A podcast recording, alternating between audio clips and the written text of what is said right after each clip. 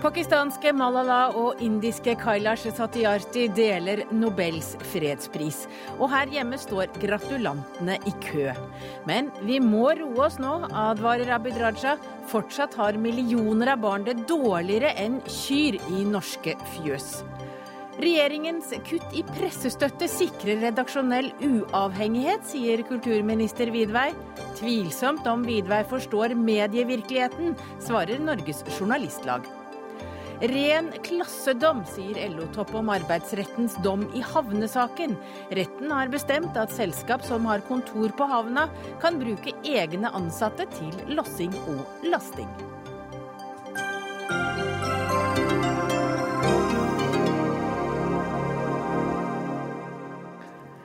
Velkommen til Dagsnytt 18 denne fredagskvelden. Jeg heter Hege Holm, og vi rekker nok et par spørsmål fra den nye quizboka Norgesquiz. 1814 spørsmål om norsk historie før vi tar helg. Men først skal vi selvfølgelig snakke om eh, det som er den eh, begivenheten i dag. Det er jo Nobels fredspris. Og nå skal vi høre Malala fra pressekonferansen i ettermiddag. A girl is not supposed to be the, the slave. A girl has the power to go forward in her life. And she's not only a mother, she's not only a sister, she's not only a, a wife, but a girl has the, she should have an identity, she should be recognized, and she has equal rights as a boy. Ja, her hørte vi den ferske fredsprisvinneren, 17 år gamle Malala Yousafzai, som nettopp har holdt sin takketale i Birmingham. Og London-korrespondent Espen Aas, du er på pressekonferansen, og du hørte Malala snakke. Hva mer sa hun?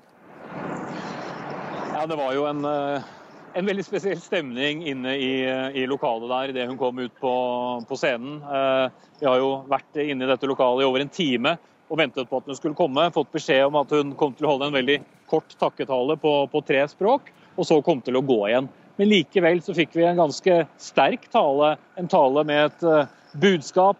En tale til medsøstre og til andre barn som ikke har det livet som de gjerne ønsker uh, å, å, leve. Men samtidig så fikk vi et glimt også av en, en vanlig jente som hadde hatt en vanskelig kjemitime på, på skolen sin da denne nyheten kom. Ja, for Malala ville altså ikke snakke med pressen før skoledagen var over. Er det mange som har reagert på det?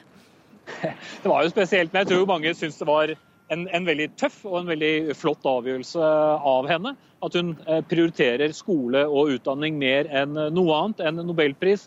Ja vel, Eh, men den er ikke så viktig som det budskapet som hun kjemper så iherdig for, nemlig retten til skolegang for alle. Retten til at jenter skal få, leve, få, velge det livet de ønsker eh, å leve. Og som hun også snakket om i forbindelse med sin medprisvinner, eh, at barn skal få lov til å være barn og ikke drive med, med tvangsarbeid. Hvem var til stede på pressekonferansen? Eh, det var jo en masse presse, de har jo rent inn her hele dagen. Vi kom jo selv opp her på formiddagen, reiste opp fra, fra London, men etter hvert så har det jo ramlet inn presse fra ja, store deler av, av, verden. Så var det også en representant for den pakistanske ambassadøren til eh, Storbritannia her. Eh, så vi ble alle stuet inn i litt sånn provisorisk kino-teatersal inne i det nye biblioteket her i, i Birmingham. Eh, hvor hun da eh, kom inn, som sagt, eh, gikk opp på en bitte liten plattform som var bak talerstolen. Og så begynte hun å snakke, og da kunne du virkelig høre en knappenål falle inn i salen. En sal som hadde vært ganske støyete bare noen minutter før. Ble det tid til spørsmål? Nei, vi fikk også streng beskjed om det. Ingen spørsmål. Eh, og vi hadde egentlig ikke regnet en gang med å få ta noe særlig bilder av henne etterpå. Det var streng beskjed om at det skulle være en kort seanse. Fem minutter med en takketale på tre språk, så vi så ikke for oss mange setningene. Men det ble jo blomsteroverrekkelser. Det ble eh, posering sammen med eh, familien sin, som alltid er med henne når hun er ute på, på oppdrag både internasjonalt og her i, i Storbritannia. Eh, og ikke minst da pappaen, eh, faren, som hun også takket i talen, som er den som eh, verner henne veldig mot omverdenen, verner henne mot pressen. Og da han sa at nå var vi ferdig, da var vi ferdig. Takk til deg, London-korrespondent Espen Aas. Torbjørn Jagland, du er leder i Nobelkomiteen. Dere hadde altså 278 foreslåtte kandidater, og blant dem var jo Edward Snowden, Leonardo DiCaprio. Så valgte dere altså Malala og Kailash Satyarti. Hvilke vurderinger gjorde dere? Ja, nå er jo prisutdelingen hvert år ikke noe pris mot andre som er foreslått. Eh, I fjor så var det en stor kampanje for Malala. Eh, da valgte vi eh, å markere kjemiske våpen, som er et enormt problem, og hva OPCW har gjort for det. Så har vi i år sett på et annet tema, som er da dette med kampen mot barnearbeid og retten til utdanning for barn og ungdom. Og da var det helt naturlig og nødvendig, vi kunne ikke komme utenom ø, Satyarti, som i 35 år er den som har gjort mest for dette i hele verden. Og så har uh, Malala Yousafzai kommet inn som en veldig sterk stemme i en ny generasjon. Så den kombinasjonen uh, syns vi da var veldig viktig å understreke. Det sies at dere ikke ble enige før helt nå på slutten. Var det en eh, lang og hard diskusjon i komiteen? Jeg forundrer meg veldig over de som sier at de vet dette og, dette, og at det så begynner å sirkulere i pressen og alle begynner å si det. Saken er den at det var en helt normal prosess i komiteen. Vi konkluderer aldri før på det siste møtet og i siste uke. Og uh, dette var en uh, det er aldri enkelt å dele ut Nobels fredspris, men dette var ikke uh, spesielt eh, vanskelig når vi så på verdenssituasjonen eh, og ville si noe om det som jeg tror er veldig viktig i kampen mot ekstremisme, så er det å gi barn og ungdom et håp. For ut av den desperasjonen som vi ser i mange deler av verden, Eh, at ungdom, barn og ungdom er ekskludert selv fra utdanning, eh, blir tvunget til arbeid, så kommer det ekstremisme. Men har dere, har dere på en måte nå tolket barn inn i Nobels testamente? Det er jo ikke barn vi har tok, tolket inn i, direkte inn i testamentet. Nei, men hans Nei. vilje når han jo, men, opprettet denne prisen? Hva er mer å arbeide for forbrødring mellom nasjonene? enn to personer som kommer fra naboland som har vært i konflikt med hverandre i 50-60 år, og som kommer fra to religioner, forskjellige religioner, men som har uh, blitt brukt til å skape mye ekstremisme. Og så kommer, er disse to personene med den ba forskjellige bakgrunnen uh, kommer sammen i en felles sak. Hva er, hva er mer forbrødring mellom nasjonene enn det? Er det behagelig å gi fredspris til eh, det som i hvert fall i Vesten er ukontroversielt, eh, nemlig Malala Satyarthi? Jo, men Nobelkomiteen kan ikke ta på seg Vestens briller. Vi må se på hele det globale bildet, og da er dette ikke eh, Vi ser ikke etter kontroversielle priser. Vi ser etter det vi mener er riktig.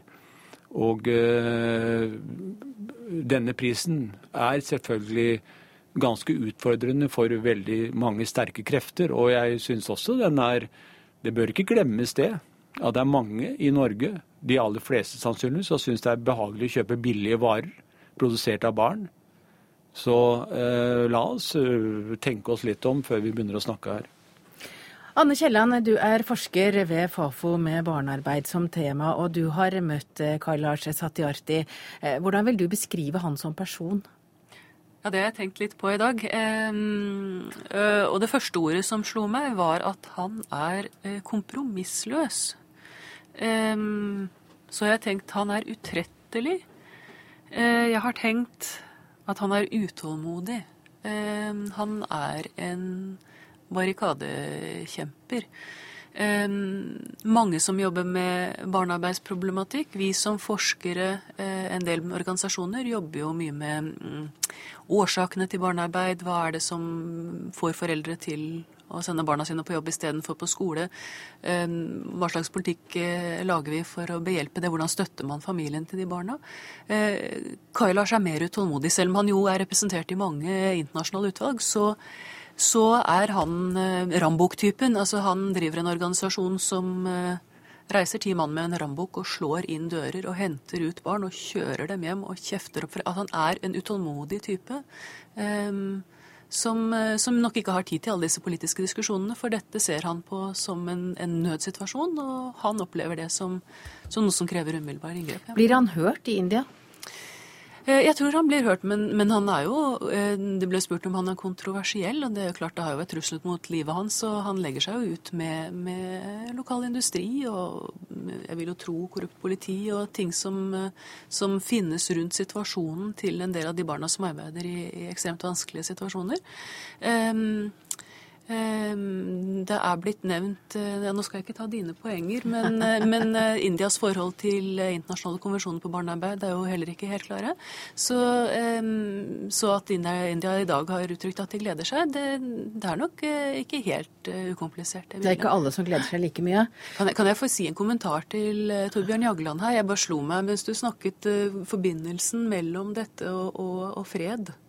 Ehm, jeg bare kom til å tenke på teksten i 'Til ungdommen'. Jeg vet ikke om noen har tatt den fram i dag. Skaper vi menneskeverd, skaper vi fred.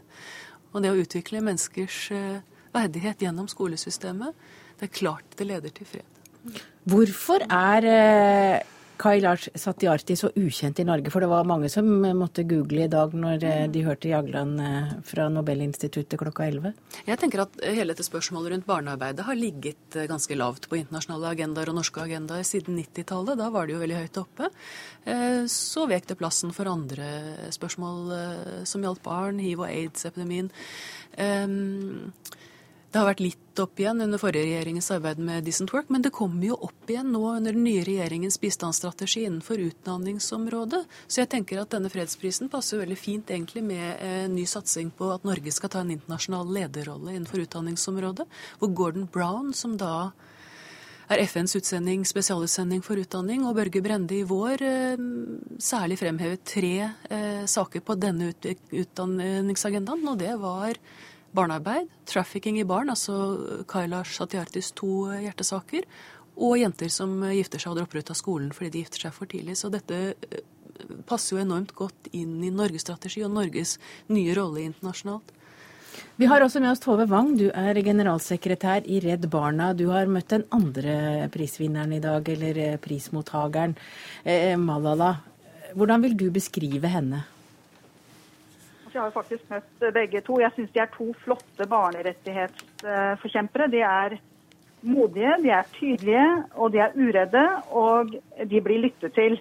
Det var sagt her eh, tidligere at var, eh, man kunne høre en knappenål falle når det var pressekonferanse, og jeg har hørt henne flere ganger i FN.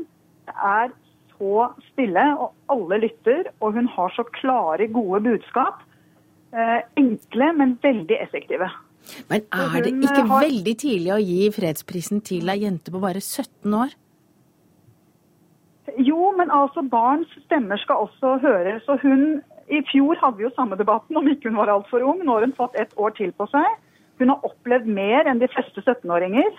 Hun har et veldig godt støtteapparat rundt seg. Jeg tror hun er veldig godt uh, forankret. Hun uh, har god bakkekontakt. Og det at hun sitter i kjemitimen sin og fullfører dagen før hun går på dette, er også et tegn på at eh, hun evner å prioritere. Du sitter jo selv i internasjonale grupper som jobber for å bedre barns rettigheter. Hvordan kan dere bruke fredsprisen til barns beste? Ja, nå setter jo denne, som flere har vært inne på, denne fredsprisen nettopp eh, søkelyset på to av hovedårsakene til at vi fortsatt har 58 millioner barn uten, utenfor skolen. Nemlig det at barn lever i krig og konflikt. Ca. 30 millioner går ikke på skolen pga. det. Og dette med barnearbeid. Vi har jo mange millioner barnearbeidere. Eh, og det er en av de andre hovedårsakene til at barn ikke går på skolen. Så det vil jo på et vis komme høyere opp på den internasjonale dagsorden og få mer fokus og mer oppmerksomhet. Og det vil også stimulere oss som internasjonale aktører til å ha enda mer tak i disse to problemstillingene. Kristian Berg Harpviken, du er eh, direktør ved Institutt for fredsforskning, PRIO. Hver, hvert år så lager jo du en, eh, det er vel en litt uhøytidelig liste over hvem du tror får fredsprisen. I år kom Malala på femteplass, og Satyarti var ikke på listen i det hele tatt. Ble du overrasket? Ja, jeg ble nok litt overrasket over Satyarti, for han var ikke på, på, på, min radar. Jeg ble ikke så overrasket over Malala, selv om jeg, jeg hadde henne på listen. Men jeg tenkte nok samtidig at når hun ikke, når, det ikke ble henne i 2013, så var sannsynligheten noe mindre i uh, år. På mange måter var 2013 hennes år, og hun var da 16. Eh, komiteen har kanskje lagt vekt på hennes alder. Vi, som Torbjørn Jagland helt riktig sier, så vet vi jo ikke hva komiteen diskuterer. Så det er klart at du, dette blir litt uhøytidelig, det blir litt spekulativt. Men når du vi nå får vet ikke vite fasiten... det. Ikke engang om 50 år får vi vite hva komiteen har lagt vekt på. Å, det kan jo hende Jagland skriver en bok da innen den tid. Men hvilken grad er dette en kontroversiell prisutnevnelse? På verdensbasis så er jo dette en helt ukontroversiell eh, pris. Eh, vi ser jo begeistringen eh, over hele verden i dag. Vi ser jo de to landenes statsministre tvitre flittig og gratulere prisvinnerne. Men det kan være en pris som er kontroversiell lokalt. Det er klart det er en pris som utfordrer sterke interesser i begge land. I India så er det vel først og fremst sterke næringslivsinteresser som blir utfordret. I Pakistan så er det selvfølgelig mer eh, fundamentalistiske politiske krefter som utfordres kraftig. Malala, som jo er den desidert kjenteste av de to, hun eh, Eh, hun er jo veldig omstridt i Pakistan. Eh, jeg har ingen grunn til å betvile hennes moralske integritet, men dette er et land der skepsisen mot Vesten er enorm. Skepsisen mot USA er stor, og veldig raskt så flettes en person som Malala inn i en narrativ om en vestlig konspirasjon. Som for oss vil fremstå som fullstendig latterlig, men som dessverre finnes folk som eh, kjøper. NUPI-direktør Ulf Sverdrup han sa i dag at uh, dette er mer en rettighetspris enn en fredspris. Er du enig i det? Ja, Det er nok jeg helt uh, uenig i. Uh, jeg syns jo at komiteen begrunner veldig godt ikke bare samspillet mellom retten til en barndom og stå utenfor arbeidslivet i barndommen og betydningen av utdanning, men jeg syns også de begrunner veldig godt hvordan det faktisk er en forutsetning for fred. Så eh, jeg syns dette er en veldig, veldig god fredspris, og jeg syns det er en veldig interessant begrunnelse nå. En interessant sammenstilling av kandidater med de spørsmålene de reiser. Eh, kanskje skal vi tenke på det litt som en slags sosialdemokratisk fredspris. Det er klart, Hadde man vært rein liberalist, så hadde man kanskje vektlagt rettighetsaspektet, og så hadde man ikke vært så veldig opptatt av, opptatt av arbeidslivets innvirkning. Her eh, ser man også strukturene i god sosialdemokratisk tradisjon. Og da er det jo interessant, da, når vi er i den norske politiske andedammen, å registrere at, som det ble sagt her tidligere, at uh, vår nåværende regjering, utgått av Høyre og Fremskrittspartiet, er en regjering som viderefører nettopp den sosialdemokratiske tradisjonen. Hanne Hagtvedt Vik, du er professor i internasjonal historie ved Universitetet i Oslo. Du jobber mye med menneskerettigheter, ikke minst i India. Hva betyr denne fredsprisen for menneskerettighetsarbeidet i India? Det tror jeg kan være en Det vil jo styrke de eh, gruppene som arbeider for barns rettigheter i India, også innenfor et rettighetsperspektiv. Altså de som retter seg mot internasjonale konvensjoner og bruker de til å skape blest om og legitimitet om egen kamp for barns rettigheter, vil jo være veldig viktig. Og eh, India er jo et land som ikke har ratifisert eh, de to ILO-konvensjonene om barnearbeid. Eh, som jo Torbjørn Jagland eh, nevnte i, på pressekonferansen eh, etter utdelingen. Eh, som eh, Satyarti har vært veldig eh, viktig for. Altså han har vært viktig for å skape blest om de konvensjonene og sørge for at mange land ratifiserer de. Det er bare seks land i verden som ikke har ratifisert ILOs konvensjon om de verste former for barnearbeid, og India er et av de landene. Men tror du at presset vil bli større på indiske myndigheter nå til å ratifisere konvensjonen?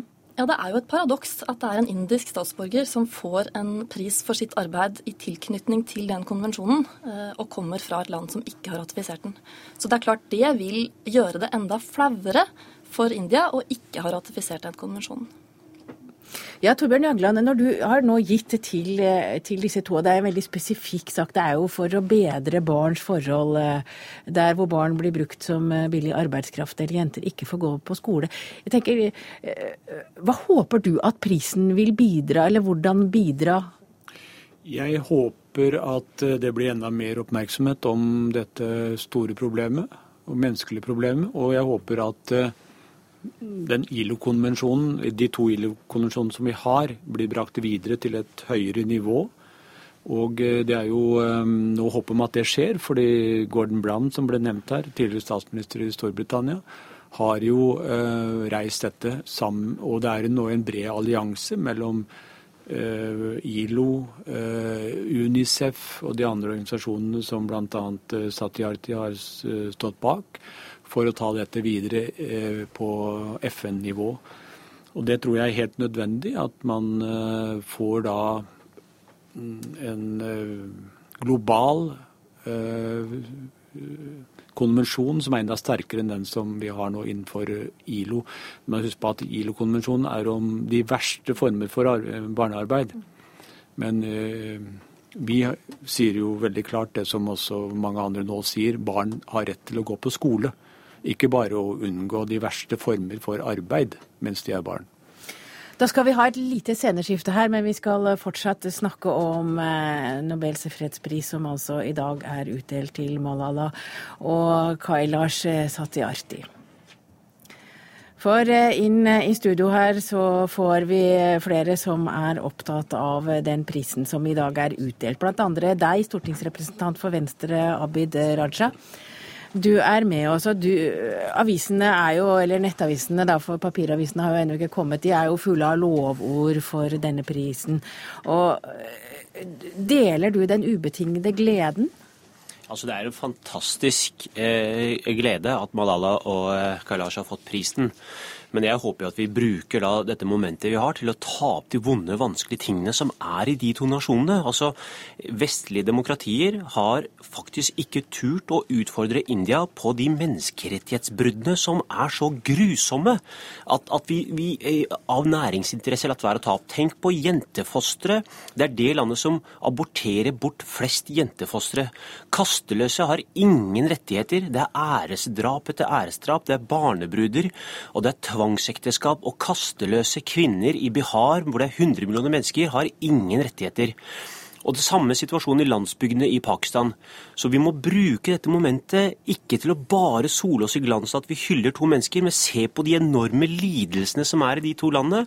Og ja, selvfølgelig skal vi kjempe for barns rettigheter, men hvordan skal du frigjøre jente, et jentebarn når mor er vokst opp i gjennomsyret undertrykkelse? Og hvordan skal du hjelpe en gutt ut av slaveri når far er kasteløs og ingen rettigheter overhodet? Dette henger sammen med hva vi våger å ta opp. Nå kommer presidenten til India for første gang til Norge eh, om noen dager. Og Da må ikke dette bli politisk tåkeprat og koseprat om næringsutvikling. Da må vi våge å snakke om den æreskulturen som finnes der, kastekulturen, og hvorfor India ikke eh, ratifiserer de to ILO-konvensjonene. Nå har vi jo ikke regjeringen med oss her, Abid Raja, så, men det kan jo hende Børge Brende sitter og hører på. Bernt Apeland, du er generalsekretær i Unicef. Eh, det er en eh, det er en ganske forferdelig eh, oppsummering Abid Raja kommer med her. Men eh, hva tror du, eh, hvordan, du, hvordan tror du at denne prisen kan hjelpe barn? Jeg har jo kalt dette for Barnas fredspris i dag, og det har jeg gjort fordi man har tatt tak i to av de viktigste tingene for at barn skal eh, komme seg opp og blomstre, som vi kaller det. Det er at de får en trygg barndom, altså at de ikke utsettes for eh, tvangsarbeid i eh, barndommen, og at de får mulighet til utdannelse. Dette er byggesteiner for fred. Eh, og så tenker jeg at det har både en regional og en global eh, dimensjon. Eh, Pakistan er et av de verste landene når det gjelder å ikke la jenter få utdannelse. India er et av de verste landene når det gjelder at barn utsettes for barnearbeid. Dette tenker jeg at her er det viktige pressmidler mot begge disse to landene. Men jeg ser dette først og fremst som en veldig spennende vridning i forhold til hvordan man tenker i Nobelkomiteen. At man tar tak i barna og se på fremtiden og, byggestedene for fred eh, fremover. Jeg oppfatter dette som en veldig moderne fredspris, som jeg er helt overbevist kommer til å ha betydning både lokalt, men også internasjonalt i de uh, ulike foraene som man nå skal diskutere. F.eks. Uh, nye FNs utviklingsmål til neste år, hvor barns rettigheter nå får et ekstra boost i de diskusjonene. Jan Egeland, du er generalsekretær i Flyktninghjelpen, og dere driver skoler i Taliban-styrte områder i Pakistan. Du kan jo kanskje først si noe om hvordan det i det hele tatt er å få jenter eh, på skole? Det er uhyre krevende, eh, og, og like viktig som det er krevende. Vi har flere hundre pakistanske ansatte i felten i, i disse føderale eh, stammeområdene, som de heter. Eh, og herunder Wajiristan, Balutsjistan, Kvetta osv. Våre folk i felt risikerer jo livet eh, når de, når de eh, får jenteflyktningebarn inn i skole. Eh, mange grupper, herunder Taliban, er mot det. Men det er mulig å få det til. Men du må jobbe langsiktig, og du må få lokalbefolkningen, de eldre, innflytelsesrike grupper på din side, hvis man kommer og, og, og gjør det som om det er en vestlig påfunn at jenter skal gå på skole. Ja, hvorfor skal ikke jenter gå på skole? Hva er begrunnelsen? Det, altså, dette er jo urgamle eh, tradisjoner. Eh, og, og, og det, er jo, det, er jo, ille. Altså, det, er jo, det er ikke slik at tradisjoner alltid er det gode. Tradisjoner kan ofte være forferdelige. Og her har man da en mannskultur som har spesialisert seg på å, å holde kvinner nede. Eh, det er jo ikke bare menn. altså de, de, fleste mødre har jo ikke selv gått på skole. Så da forstår man ikke nødvendigvis hvor viktig dette her er. Vårt inntrykk er at når du forklarer til mødre og fedre at her kan både gutten din og jenta di få en mulighet gjennom skolegang, så tar de virkelig imot det med stor glede. Men det er farlig, det er til dels livsfarlig å gjøre dette arbeidet. Jeg kjenner jo også begge landene eh, relativt godt. Altså Mine foreldre innvandret jo fra Pakistan, og jeg har jo bodd og jobbet et år i India. Og jeg mener Den prisen her er, det er en helt riktig pris. Jeg støtter prisen 100 eh, Jeg vil bare at vi skal bruke dette momentet til å ha en global bevegelse rettet mot begge de to nasjonene som er så endringsuvillige. Altså, Man har ikke politisk vilje på toppen til å gjøre noe med kastevesten i India, og man har ikke politisk vilje på toppen i Pakistan til å gjøre noe med kvinnenes situasjon. Og så lar vestlige demokratier mulighetene gå fra seg når man møter særlig India, fordi det er en stor nasjon som mange vestlige land har næringsinteresser i, å ta opp disse vonde, vanskelige temaene. Det står ikke øverst på dagsorden. Man lar være å ta det opp av hensyn til sin egen interesse. Så det, denne prisen må føre til en global og internasjonal bevegelse, og vi må bruke alle arenaer arenaer for å tvinge politikerne der til å få til iallfall de små skrittene, for det er de vi trenger. Jeg tror ikke det kommer til å komme en stor revolusjon i Pakistan og India med det første, som kommer til å løse dette, men vi må få de små skrittene til å skje. Jeg tror det er viktig å ha med i dette bildet også at selv om India da ikke har ratifisert eh, disse traktatene, så betyr jo ikke det at ikke det gjøres et omfattende arbeid mot barnearbeid også i India, også i regi av indiske myndigheter. Og det kom en rapport i 2010 fra ILO og fra Unicef som viser at eh, dette det går framover, også i India. Det er færre, eh, en mindre andel barn som det rapporteres at ikke er, på, eh, ikke er i skole hver dag. Så det er flere som ikke er i arbeid. Og dette skjer jo på tross av at India ikke er en del av dette internasjonale menneskerettighetssystemet når det gjelder barnearbeid. Så er har disse internasjonale organisasjonene og eh, de eh, aktivistorganisasjonene en tett dialog med myndighetene om ulike tiltak for å bidra til å eh, redusere bruken av barnearbeid. Vi skal til India, for vi skal til Guneli Vinum. Du er daglig leder i Sustainable Trade, og du er i New Delhi. hvordan reagerer folk du har møtt i dag på fredsprisen? Uh, ja, de reagerer med voldsom entusiasme og at det er høyst fortjent.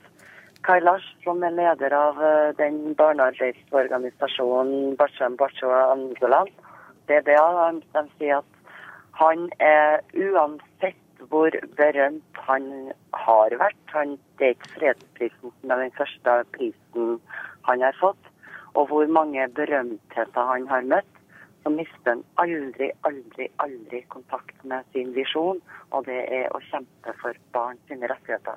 Så her er det overstrømmende gratulasjoner både fra eh, personer som har jobba i multinasjonale mm, bedrifter, som har jobba med henne i forhold til barnearbeid, og Global March Against Child Labour, som er en stor uh, internasjonal uh, organisasjon som jobber mot barnearbeid. Det er gratulasjoner fra barne- og kvinneministerierepresentanter som har jobba med en i kampen mot barnearbeid. Overstrømmende gratulasjoner. Men når hurraropene og gratulasjonene stilner, hvilke konsekvenser tror du sett fra New Delhi at fredsprisen kan få? Uh, at det får mer et fokus på mulighetene, tror jeg. Fordi at uh, Kailash og hans organisasjon BBA er jo bare et prakteksempel på hva som skal til for faktisk å ta det enkelte barnet ut av den barnearbeidssituasjonen de er i, og tilbake til foreldre og tilbake til skole. Det er jo Kailash et, uh, sitt arbeid og hans organisasjon sitt arbeid et prakteksempel på. Jeg har jo drevet en del opplæring kursing av uh, bedrifter i hvordan de skal takle hva de skal gjøre da, når de oppdager barnearbeid. Og da har jeg i mange mange år så har jeg fremarbeida Så har jeg fremheva Kailash og BBA som don't panic. Fordi at organisasjoner som BBA er der ute og hjelper dere. Så jeg ser bare her som sånn veldig, veldig positivt på å belyse mulighetene til å, som finnes i å bekjempe barnearbeid. Kristian Berg Harpviken, du har fulgt fredsprisen gjennom mange år, og hvordan den, den har fungert. Hva, hva, tror du om konsekvensene av årets fredspris? Jeg tror det er, det er, som Raja er inne på her, at vi skal nok ikke tro at dette medfører noen revolusjon i noen av disse landene. Det er tunge strukturer man kjemper mot. Og vi vet jo det at virkningen av fredsprisen, den er omstridt. Noen fredspriser har umiddelbare effekter, løfter fram et sakskompleks som kanskje ikke så mange av oss har sett. Mens andre fredspriser kan jo kan jo være spørsmål om vi i hele tatt har en positiv effekt. Vi, Tenk på prisen til Li Xiaobo. Li Xiaobo selv var veldig klar for å ta konsekvensene av prisen, og jeg mener det var en riktig pris. Men det er jo mulig å forstå de som sier ja vel, han havnet i fengsel og han ble sittende der. Og ikke så veldig mye har skjedd med menneskeretten i Kina. Ja, kanskje, som Geir Lundestad sa nylig i et intervju, vil vi vite det om 50 år. Men det er kanskje ikke så veldig tilfredsstillende for de utålmodige menneskerettsforkjemperne i Beijings gater akkurat nå. Så virkningshistorien av nobelprisen, det er jo et ganske komplisert område. Ja, jeg tenker at Det er viktig å ha et regionalt fokus, sånn som vi nå har vært innom. Men samtidig så må vi løfte dette til det globale planet. Fordi av de 168 millioner barn i verden i dag som er barnearbeidere, så er det 13 millioner i India. Og av de 31 millioner jenter som ikke får skolegang, så er det 3 millioner i Pakistan. Så dette er en global utfordring, og jeg tenker at vi må absolutt se på den lokale og regionale situasjonen. Men vi må for all del bruke denne prisen til å løfte dette spørsmålet globalt. Men kanskje det aller viktigste ved disse prisene er at det får interne krefter bli, blir oppmuntret. Altså lokale organisasjoner, kvinner i Pakistan jenter i, i, i, India, de får tro på at det er mulig. Jeg, jeg tror ikke overhodet at pakistanske lederskapet, indiske lederskapet liksom bøyer seg nå i støvet og sier nå, nå endrer vi politikk. Men jeg kan gjøre, forsikre om at våre lærere på bakken i Pakistan, de er entusiastiske. Og vår kvinnelige leder for et kjempeprogram i Pakistan, hun er entusiastisk. Og det er de som er fremtidshåpet. Ja, for pakistanske myndigheter har jo så langt vel knapt kommentert prisen. Har, ja? Jeg syns nok altså Jeg må jo si det var under Pakistans ledelse at Malala ble skutt. Og det er under Pakistans ledelse at jenter blir rett og slett altså, slaktet ned i landsbyene uten at det får noe justisfølger. Uten at Pakistans ledelse gjør noe med det. Så det er nok en sterk grad av blandet følelser her. De er nok ikke bare glad, de er nok også veldig flaue. Fordi at det er Altså, Malala har kommet hit i kraft av seg selv. Men de bidro ikke til å eh, forsøke å gi henne trygghet. Og det er mange tusener av kvinner som lider en en, en tragisk skjebne i Pakistan daglig. Så det er nok en eh, vanskelig situasjon. Men jeg likte enormt godt det Malala gjorde når hun nå har fått prisen og kommet ut og kommenterte. Hun sier jeg inviterer begge, begge vi to, både hun og Kailash, eh, går ut sammen og sier vi inviterer begge statsoverhodene, både Modi og Sharif fra India og Pakistan, til å komme 10.12. Eh, til Oslo. Og så sier hun overvær dette, og vær så snill, sett dere sammen og start samtale om fredsarbeid mellom Pakistan og India. Det er liksom, det, det er det momentet jeg sier. Det er det vi må bruke den fredsprisen til. å få til endringer. Vi må ikke bare klappe og hylle og sole oss i glansen og tenke nå er vi ferdig med dette. Det er nå arbeidet skal starte. Det tunge, vanskelige arbeidet. Den fredsprisen til Jagland og til Nobels, eh, Nobelkomiteen, beklager, altså den fredsprisen, det må, gi, det må gi energi og kraft til å gjøre, få til de små skrittene. Og bare tenk altså, hvor forferdelig det er at verdens mest befolkningsrike land er den som altså aborterer flest jentefostre. Altså, det er en helt forferdelig virkelighet som vi ikke må glemme når vi soler oss nå i at Kelash over 35 år har kjempet for barns rettigheter. Fantastisk. Men det er en enorm undertrykkelse i landsbygdene både i India og Pakistan. Men tror du de vil høre på Malala? Tror du de vil komme til Oslo 10.12.? Jeg tror det kan bli veldig pinlig for de om de nå ikke skulle komme. Så jeg håper at de kommer, og jeg håper vi bruker det momentet nettopp til å påvirke og bidra til de fredssamtalene. Det, det, som har skjedd nå, er jo at, eh, at faktisk hæren har ønsket prisen velkommen, og Taliban har fordømt den. Og det, det, er det vi ikke ønsker, at dette blir en, altså en, en, en slags vest, en, vestlig eh, Vesten mot, eh, mot eh, islamister. Det må være en pris for, for jenter. og eh, det er intet i islam som forhindrer jenter å gå på skole. Tvert imot. Og det er de, de bevegelsene som sier det, vi må, vi må styrke.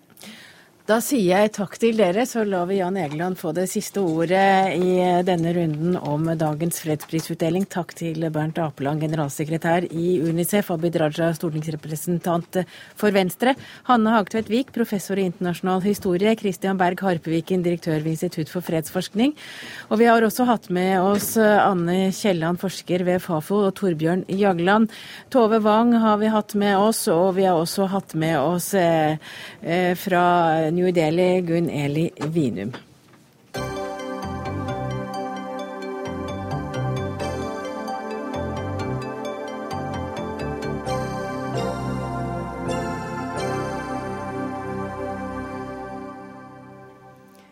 Regjeringen ønsker å gjøre norske aviser mindre avhengig av støtte fra staten.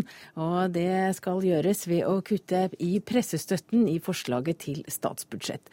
I dag får bl.a. Vårt Land, Klassekampen, Nasjonen, Dagsavisen og avisen Dagen pressestøtte sammen med en rekke lokalaviser. Og Thomas Benz, du er leder i Norsk Journalistlag. Eh, du sier at du fikk nærmest sjokk da du hørte kulturministeren forklare hvorfor hun foreslår kutt i pressestøtten. Ja, det fikk jeg. og det tror jeg resten av... Operasjokk? Ja, et operasjokk. Det kom i operaen, og der utspilles det jo daglig både tragedier og komedier, og jeg vet ikke helt hva dette var. Eh, men det var iallfall veldig overraskende, fordi kulturministeren nå lanserer en ny medieteori etter vi har hatt ca. 50 år med mediestøtte som skiftende regjeringer, også borgerlige regjeringer, under både Willoch og Syse, har videreført en mediestøttepolitikk som har gått ut på at det er en støtte til mediemangfold, opprettholdelse av aviser som ikke ville hatt livets rett i markedet alene, og til å representere ulike livssyn eh, og andre interessegrupper i norske samfunn for at de skal komme til orde og berike demokratiet. Så sier nå kulturministeren at statlig støtte det fører til mindre redaksjonell frihet. Og at ved å kutte i støtten, så gjør man mediene friere. Så det er en form for, eh, Hun sier at hun ikke vil strupe de, hun vil styrke mediene. Men eh, det ser ut som resepten er at man straffer eh, istedenfor å styrke. Ja, Tore Vidvei, kulturminister fra Høyre, er det det du er ute etter? Å straffe avisene? Gjøre de mindre uavhengige, men også kanskje færre? Eh, regjeringen har sagt veldig klart ifra at eh, vi ønsker å redusere eh, den avhengigheten som man har til de statlige subsidiene som er. Så det er ikke noen overraskelse. Det fremma vi forslag på da vi var i opposisjon, og det har vi også i, faktisk i nedfelt i vår Sundvolden-erklæringen, at vi ønsker å redusere subsidiene over tid. Og jeg mener at det er rom for å kunne gjøre det. Dette er altså en reduksjon på 16 Eh, og så har jeg lyst til å si at det er like viktig som eh, det er å diskutere størrelsen på denne eh, subsidiene, altså produksjonsstøtta, så er det faktisk eh, viktig å også se på innretningen.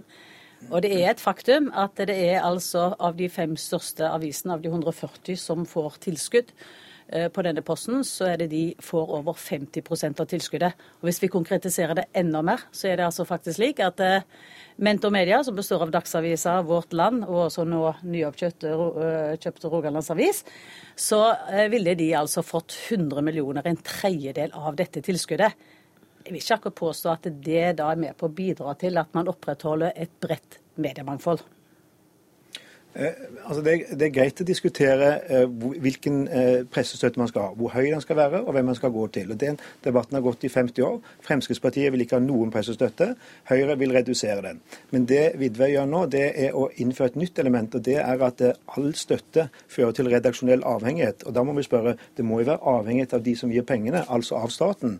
Og Det må bety at Vidvei mener at norske aviser som mottar pressestøtte, er avhengig av staten og på en eller annen måte blir mer statsvennlig, blir en form for mikrofonstativ for staten. Det tror ikke noen tror på. Jeg håper ikke statsråden tror på det selv heller, for det er ikke en riktig beskrivelse av norsk medievirkelighet. Jeg mener det er behov for å redusere eh, den støtten noe, og det er jo det som regjeringen men, har men foreslått. Men hvilke konsekvenser mener du at den støtten får for de mediene som får den? Jeg mener 16% reduksjon for denne støtten. Men også Jeg fremma forslaget i fjor om at vi kunne klare å få til en annen innretning på denne støtten, som nettopp hadde bidratt til at kanskje mindre aviser hadde kunnet fått mer. Med det opplegget som jeg foreslo, med å sette et tak, så ville f.eks. Nasjonen kunne fått mer midler enn det som de nå i realiteten har fått, og som resulterer i at de nå rasler med sabelen og sier at de må si opp flere. Det er også, Vi må våge å se sammenhengen med både størrelsen på støtten og også innretningen på den. Og så har jeg lyst til å føye til. De to viktigste mediepolitiske tiltakene som regjeringen har foreslått, det var at fra 1.1 i år så gjorde vi altså det produksjonsstøtte, denne subsidiene, plattformnøytrale. Så det betyr at dere som jobber i media, faktisk sjøl kan velge hvilken plattform man ønsker å formidle nyheten i. Det syns jeg er et veldig viktig prinsipp. Det andre prinsippet som vi nå har lagt fram i statsbudsjettet, det er forslag om en, eh, også plattformnøytralitet når det gjelder momsen. Altså lavmoms. At, eh, ja, Før så fikk avisene hadde ingen moms, og nett hadde 25, 25 Nå har alle åtte. Nei, nå har de ikke fått åtte, men vi foreslår at de skal få åtte. Men vi foreslår da Vi har lytta veldig mye til media på dette her, og eh, bransjen. Og vi foreslår nå at det, vi notifiserer en ordning som gjør at de som er på digitale medier, får 8 Og jeg har håp om at vi kan klare det innen 1.7 neste år. Mens vi lager en overgangsordning nettopp for å ta høyde for at eh, media sliter på fem år, sånn at det blir ikke innført 8 eh, på papir før om da det er gått fem år, og vi skal ha en evaluering underveis. Men men Thomas Best, er sikkert, altså Hvordan pressen finansieres er jo sikkert gresk for de fleste. De fleste er bare opptatt av at de får avisa si. Får det konsekvenser for avisene det at nå 16 eh, kanskje forsvinner i pressestøtte? Ja, det sier jo flere redaktører. Dette kan føre til pressedød. Eh, dette er en støtte, en demokratistøtte, for å opprettholde aviser, mangfold, meninger som ellers ikke ville vært der. Nei, For dette er såpass sære aviser, en del av dem, at de vil ikke komme ut uten? Nei, dette er over 100 lokalaviser. Dette er nummer to-aviser. Det er også kutt i samiske aviser. Eh, og det er kutt i det som kalles meningsbærende aviser. Klassekampen, Dagsavisen, Nasjonen, Vårt Land. Stemmer som er spredt over hele landet, og som ikke har et marked som gjør at de kan komme ut eh, uten denne pressestøtten. Men jeg syns statsråden slipper litt billig unna. fordi enten må hun forklare hvordan kan presses dette føre til avhengighet, eller bør en trekke den setning som står i statsbudsjettet, og som er en helt ny medieteori, og som eh, bransjen eh, i øyeblikket er rustet over å se, fordi den egentlig insinuerer at norske medier For du må ta med momsen òg. Altså, hvis du mener at statsstøtte betyr avhengighet, så betyr det at alle norske mediehus, VG, Aftenposten, Nordlys, Stavanger Aftenblad, alle mottar støtte i form av momsfritak. Så hvis de er avhengig av staten, så har vi virkelig ville tilstander. Men jeg tror ikke egentlig statsråden heller mener dette, men det det kan du oppklare selv. Jeg mener det er utrolig viktig at uh, vi har, bransjen har et uutnytta potensial for å generere inntekter, og det er det som ligger til grunn for at vi har kommet med denne reduksjonen i produksjonsstøtten. Men ikke minst at vi tar aktive grep etter åtte år. Men du svarer jo ikke helt på det han spør om, Vidvei. Hva mener du med den setningen om avhengighet? Regjeringen har hele tida sagt, både i opposisjon og i, nå i vår erklæring, at vi har en politikk om å ønske å redusere Eh, pressens eh, avhengig av subsidier fra staten, og det er det som egentlig ligger der. Men Blir avisene bedre med mindre midler og færre ansatte? Tror Det er et resultat av det er mange virkemidler man kan iverksette. Jeg har pekt på to svært viktige virkemidler. At vi har bidratt til at vi har fått en plattformnøytralitet eh, med tanke på produksjonsstøtter. At vi har bidratt til nå å få til en, en, et momsregime som faktisk hele pressen har bedt om tidligere. Og det er jo nettopp fordi at jeg, jeg tror det ligger et uutnytta potensial for å generere inntekter eh, med at man går over på digitale medier. Det er helt nødvendig i den tida som er, og det er jo det også pressen men det, har fortalt. Men det tror jeg alle er enige om. Nei, vi må få lov, med all respekt for statsråden, å si at det er nok ikke en beskrivelse som resten av Medie-Norge er enig i. Medie-Norge har bedt om i alle år null moms, beholde den som vi har på papir, og få det på digitale plattformer. Det samme journalistikken det har ikke vært noe behov for å endre dette. Vi burde være stolte av at politikerne i Norge i 1969, da Norge var mye fattigere, innførte momsfritak for å bevare mediemangfoldet. Det, hvorfor kan ikke statsråden vise litt stolthet? Dette har vi fått til i Norge. Nå gjør vi det også digitalt. Det koster staten nesten ingenting, men det betyr veldig mye når vi står midt oppe i tidenes mediekrise. Alle medier sliter med å få til denne overgangen. Så det statsråden gjør i dette statsbudsjettet, er å komme med kutt, kutt, kutt, kutt. Det eneste som er positivt her, at det er faktisk veldig lett å komme i debatt med statsråden, for her er det ingenting positivt for norsk medieliv. Dette jo, eh, medfører jo ikke riktighet. Fra dag én så har jo vi vært veldig Kort kommentar til slutt. Hvor stolt er du av den norske mediefloraen? Jeg er kjempestolt over Norsk Medieforum, og jeg har vært i en veldig god dialog med dem. I november i fjor så sa Are eh, Stokstad, altså i, som leder A-media, at dette var den, kanskje den beste mediepolitiske regjeringen vi hadde fått, som var villige til nettopp å lytte til dem og komme med gode forslag for hvordan man kunne tilpasse seg for framtiden. Nå høres det ikke ut som journalistlag er av den samme mening, men takk til Toril Vidvei, kultur kulturminister fra Høyre, og til Thomas Benz, leder i Norsk Journalistlag.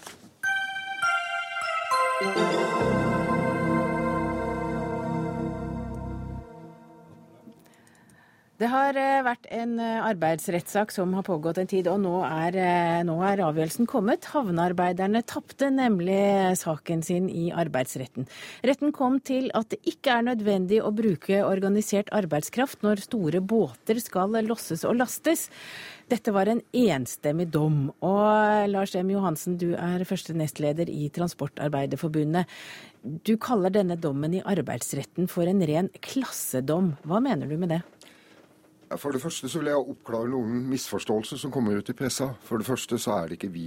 Vi har ikke tapt. Vi fikk ikke medhold i en fortolkningstvist i arbeidsretten. Og arbeidsretten har ikke sagt at ikke vi har rett til å være i havnene i Norge.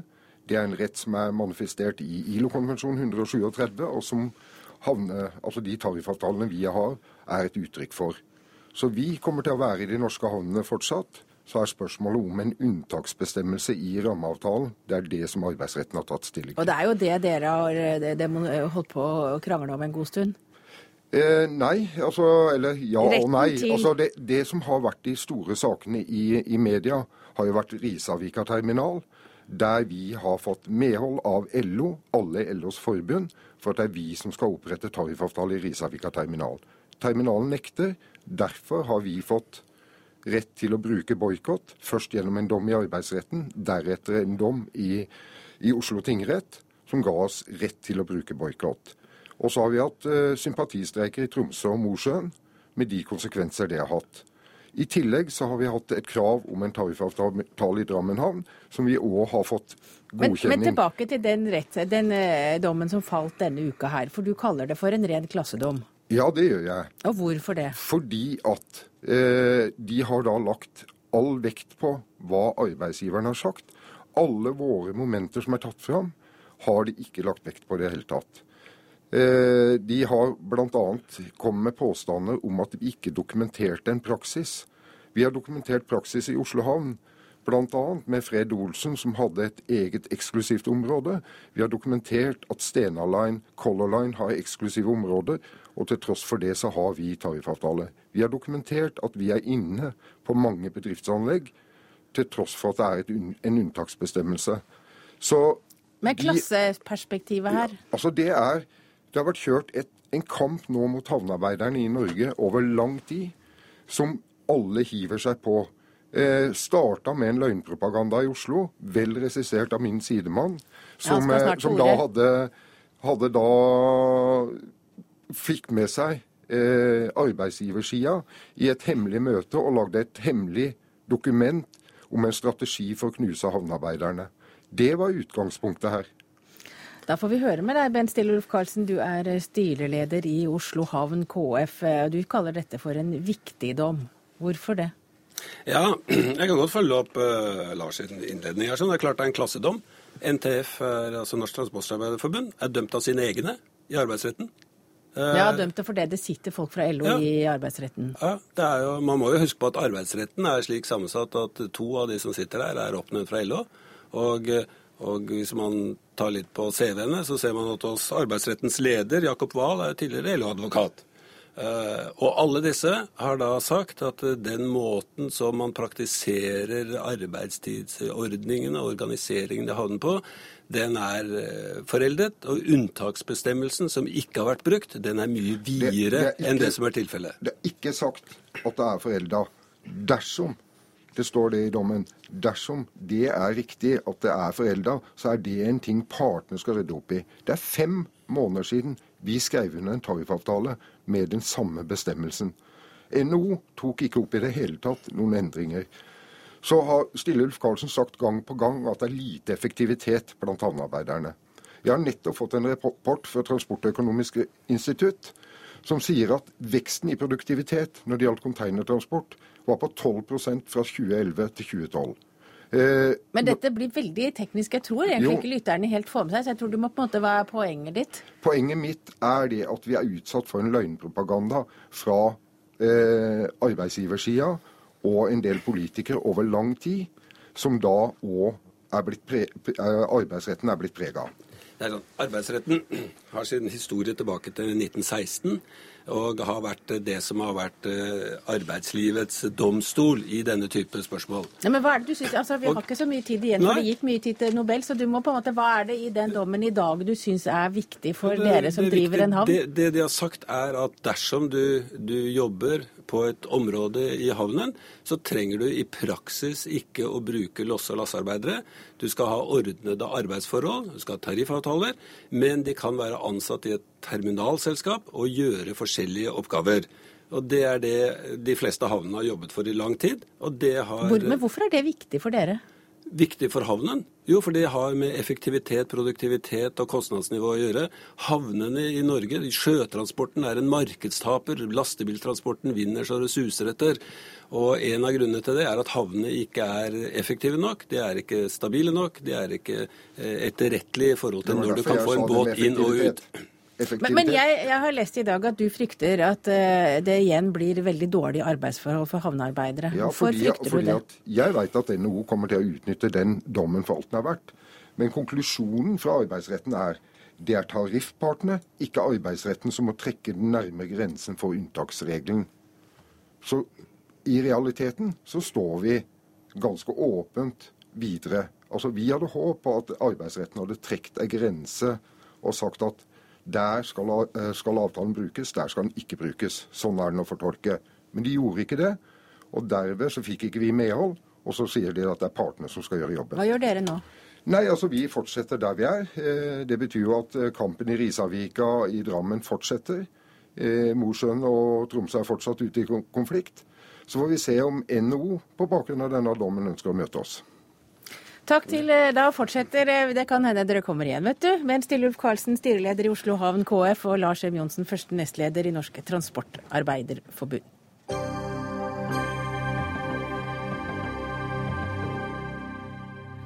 Ja, det er jo fredag i dag, så da må vi jo ta oss tid til noe som verken handler om konflikt eller fredspris. Eh, det har kommet enda en bok på markedet. En quizbok, en av mange, men denne Mm. gangen så er det altså 1814 spørsmål om norsk historie.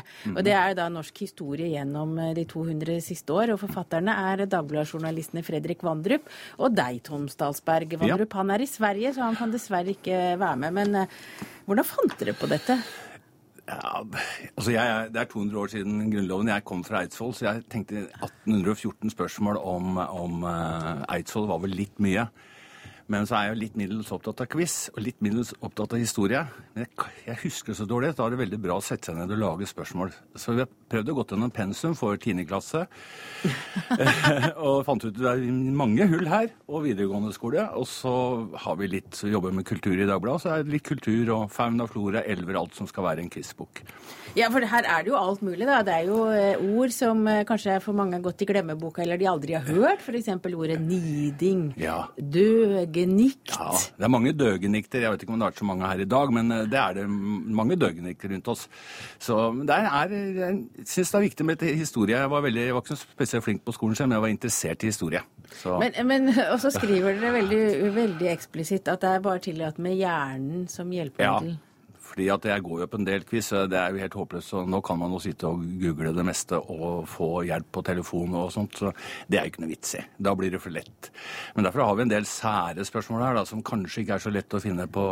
Men nå skal jeg egentlig, nå skjer det et kupp her i Dagsnytt 18. Rett og slett, nå kupper jeg sendinga, for du, nå har du sittet og stilt spørsmål i 55 minutter. Ja. Her får du et Men nå er jo hjernen min ganske tom. Ja, men du, du har stor hjernekapasitet. Du får et spørsmål av meg. I hvilket år ble Norsk Hydro stiftet? Du får tre alternativer. 1905, 1910 eller 1912. Mm. og da spør jeg deg, i hvilken skotsk fotballklubb spilte målvakten Geir Karlsen? Dunfermline. Ja. Det spørsmålet er faktisk med i boka. Har du tatt Ja, det er helt utrolig. Det er et av de mer nyttige spørsmålene. Ja. Så Ja, kan det- Norsk Hydro få lov å hvile. Ja, det var i 1905, da. Det var i 1905. Ja, men det var bra. Mm, Ja. Ja, men, men altså, ytringsfrihet er for viktig til at vi overlater det til tullinger. Det er jo en kategori dere har her, en litt underlig kategori. Ja, det, vi må jo prøve å ha noen kategorier som eh, folk blir litt provosert av. da. Og det med ytringsfrihet, nå var jo kulturministeren her eh, og snakket om, eh, om pressestøtte, så vi Jeg skal ikke si noe mer enn det, men eh, det er viktig. Ytringsfrihet er viktig, og i dag har vi fått en fantastisk fredspris. Eh, Det er Ytringsfrihet er, må vi verne om, og kanskje vi kan lære litt om de første som sto på barrikadene for ytringsfrihet også her.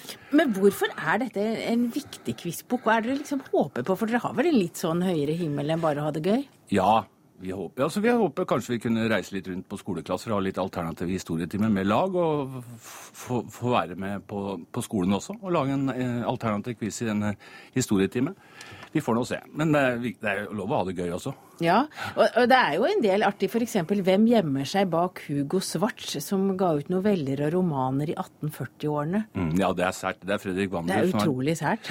Men vi har en del sære kategorier. Og Fredrik vet Wander du hvem hvem det er? Nei, det er Fredrik Nei, jeg, som sagt, det er en av grunnene til at jeg faktisk setter meg og lager sp spørsmål, så slipper jeg å svare på dem. Ja, altså Hugo Svarts det er altså pseudonymet for Hanna Vinsnes, hun Mm. med kokeboka. Ja. Men, men hva er arbeidsfordelingen mellom deg og Vandrup? Nå skulle dere jo sitte her og spille Ja, ball, da, men han er dessverre i Sverige. Nei, det er jo deler akkurat på midten. 907 spørsmål lager vi hver. Og så tok jeg meg geografi, samfunnsliv, politikk, sport og litt musikk. Og Fredrik tok seg av litteratur, media, tegneserier, eh, billedkunst, klassisk musikk. Og så er det bare å sette opp et skjema og lage 20 20 spørsmål per dag. Vi er gamle menn, så vi går ikke så mye ut, vet du. Vi seiler ikke eller har ikke hytte, så vi kan sitte hjemme og dyrke dette her. Men, men når jeg leste denne, her, så fikk jo jeg en følelse av at dette her er jo en quizbok for folk over 50. Ja, det, det sa forleggeren også. Men derfor har vi har lagt inn noen 2014-spørsmål det gjelder musikk og, og fotball og idrett. da. Det er det. Og tegneserier. Så det er ikke bare geriatrisk avdeling. Men uh, det er for de som har tid og ikke er på nettet. Det er for de som ikke må være på nettet hele tiden. Ja. Og hvor mange paragrafer er det f.eks. i Grunnloven fra 1814? Det kan du lære hvis du da leser eh, Norgesquizboken. Ja. Men det, til slutt så er det spørsmålet, det er jo på en måte, de, du bør være mer enn 50 for å vite svaret på det, så, men det tror du vet det. Hva er felles for sangene Fru Johnsen, Kom, bli med til København, Nei, nei, nei og dra til helvete? Um, forbudt i NRK. Helt riktig. Ja. Nå hadde det vært veldig gøy om du kunne fortelle hvorfor de ble forbudt i NRK, for det er vel mange av oss som ikke husker flere enn Dra til helvete og kanskje Fru Johnsen. Fru Johnsen, ja. Men det rekker vi ikke. Det rekker vi ikke. For sendinga er over. Denne fredagen er eh, blitt eh, kommet helt til 19.00, så Dagsnytt 18 lukker døren. Ansvarlig var Alf Hartken. Det tekniske ansvaret hadde Finn Lie, og jeg heter Hege Holm, og Dagsnytt 18 er tilbake på mandag.